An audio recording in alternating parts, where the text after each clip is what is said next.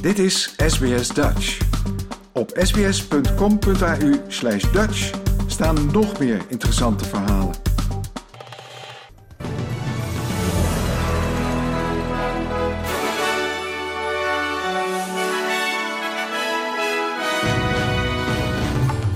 Dit zijn de headlines van het SBS Dutch nieuwsbulletin van woensdag 31 augustus.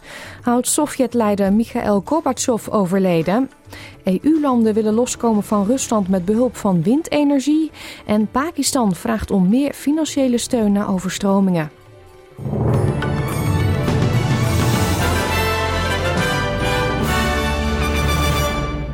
Oud-leider van de Sovjet-Unie Mikhail Gorbachev is overleden. Hij stierf op 91-jarige leeftijd naar een lang ziekbelt, zo melden Russische autoriteiten. President Poetin heeft zijn medeleven betuigd. Gorbachev werd in 1985 verkozen tot de leider van de Sovjet-Unie. Zes jaar eerder was hij al toegetreden tot het Politbureau, het hoogste machtsorgaan. Met zijn glasnost, openheid en perestroika, wat hervorming betekent, stond hij meer vrijheden toe dan zijn voorgangers, wat leidde tot het einde van de Koude Oorlog en het uiteenvallen van de Sovjet-Unie. In 1990 kreeg hij de Nobelprijs voor de Vrede toegekend. Na een bezoek aan Gorbachev in het ziekenhuis op 30 juni vertelde de liberaal-econoom Ruslan Grimberg aan de nieuwszender Zvezda hij gaf ons alle vrijheid, maar we weten niet wat we ermee moeten doen. Camilo Guevara March, zoon van de revolutionaire leider Ernesto Che, is op 60-jarige leeftijd overleden. Het officiële Cubaanse persbureau Prensa Latina zegt dat hij stierf tijdens een bezoek aan Caracas in Venezuela aan de gevolgen van een hartaanval veroorzaakt door longtrombose. Hij was de derde van vier kinderen van Aleida March en Che Guevara, de Argentijnse arts die een legendarisch figuur werd door tijdens de Cubaanse revolutie samen met Fidel Castro te strijden. Later leidde hij ook rebellengroepen in andere landen. Samen met zijn moeder was Camilo de baas van het Centrum voor Che Guevara-studies in Havana, waar documenten en andere zaken met betrekking tot de rebellenleider zijn ondergebracht. I see him as a symbol And in my case, because of our closeness, it's easy for me not to see him as a mythical figure. But what's more important is that this exhibition reflects the vision of a contemporary man who tries to change the world, and there it is. It has to be seen. I think it's very interesting. De voorzitter van de Europese Commissie, Ursula von der Leyen, zegt dat de elektriciteitsmarkt niet meer functioneert omdat de Russische president Vladimir Poetin deze systematisch kapot probeert te maken en te manipuleren. EU-landen zijn overeengekomen om tegen 2030 de capaciteit van offshore windenergie in het OC-gebied uit te breiden naar tenminste 19,6 gigawatt. De huidige capaciteit van het OC-gebied bedraagt momenteel minder dan 3 gigawatt. Volgens het plan zouden tot 1700 nieuwe windturbines op zee een vermogen produceren dat gelijk staat aan bijna 20 kerncentrales. Dat zou genoeg elektriciteit zijn voor maximaal 30 miljoen huishoudens. We're harnessing the power of wind to break free from Russian fossil fuels and to become climate neutral. And offshore wind energy can make a huge contribution to that. With the targets that have been set today, Baltic Sea offshore wind will cover the energy consumption of around 6 million households by 2030. De Finse premier Sanna Marin heeft zich in Denemarken aangesloten bij Europese landen door de Russische oorlog tegen Oekraïne te veroordelen en meer investeringen in schone energie toe te zeggen. Ze zegt dat Finland maanden geleden de gasinvoer uit Rusland heeft stopgezet. Premier Marin zei ook dat de oorlog in Oekraïne laat zien dat Europa meer onafhankelijk moet zijn wat betreft energievoorziening.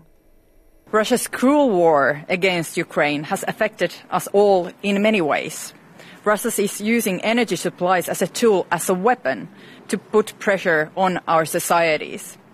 Europe's dependency on Russian fossil fuels must come to an end as soon as possible. We are now moving towards that goal. Finland has already cut out ties to Russia's gold, coal and oil. The gas pipeline deliveries also came to an end already months ago. De Pakistanse premier Shehbaz Sharif zegt dat het door de VN beloofde bedrag van 233 miljoen Australische dollar voor hulp bij overstromingen snel moet worden vermenigvuldigd. Hij beloofde transparantie voor elke cent. Door hevige regenval en overstromingen staat een derde van het land onder water. Meer dan 1100 mensen zijn omgekomen. Lege helikopters pikken gestrande gezinnen op en droppen voedselpakketten in ontoegankelijke gebieden. Sharif zegt te vrezen dat door de ernstige overstromingen de toch al instabiele economische situatie in het land verder zal ontsporen, wat zou kunnen leiden tot een acuut voedseltekort en torenhoge inflatie. In juli bedroeg de inflatie al 24,9 procent. Het zaaien van tarwe zal door de overstromingen moeten worden vertraagd. Om de impact te verkleinen is Pakistan al in gesprek met Rusland over de invoer van tarwe, zo zegt de premier. But this is only going to provide 160 million dollars. I think this needs to be multiplied rapidly. And uh, I want to give one solemn pledge and uh, solemn commitment at my command that every penny will be spent in a very transparent fashion. Every penny will reach the needy.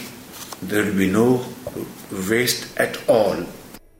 Volgens de Oekraïense president Volodymyr Zelensky blijft de situatie rond de kerncentrale van Zaporizhia zeer bedreigend.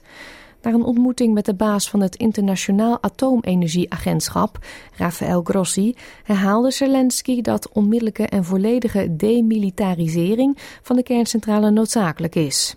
Hij verzekerde ook dat Rusland nergens in de bezette gebieden een veilige haven zou hebben en dat uiteindelijk de enige optie zouden zijn weglopen of zich overgeven. The situation at the ZNPP and in Enegoda and the surrounding areas remains highly threatening. The occupiers do not leave the nuclear power plant.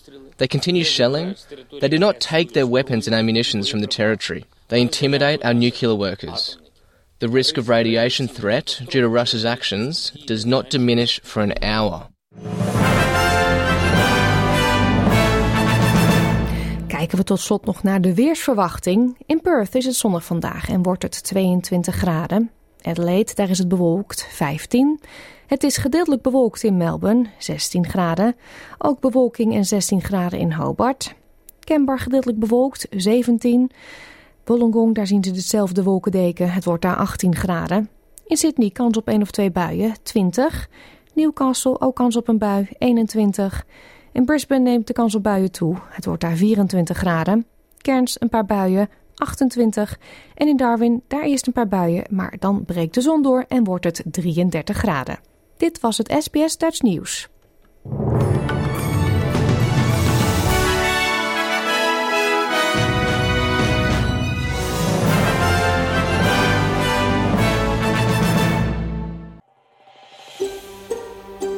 Wil je nog meer soortgelijke verhalen? Luister via Apple Podcasts, Google Podcasts, Spotify of waar je je podcasts dan ook vandaan haalt.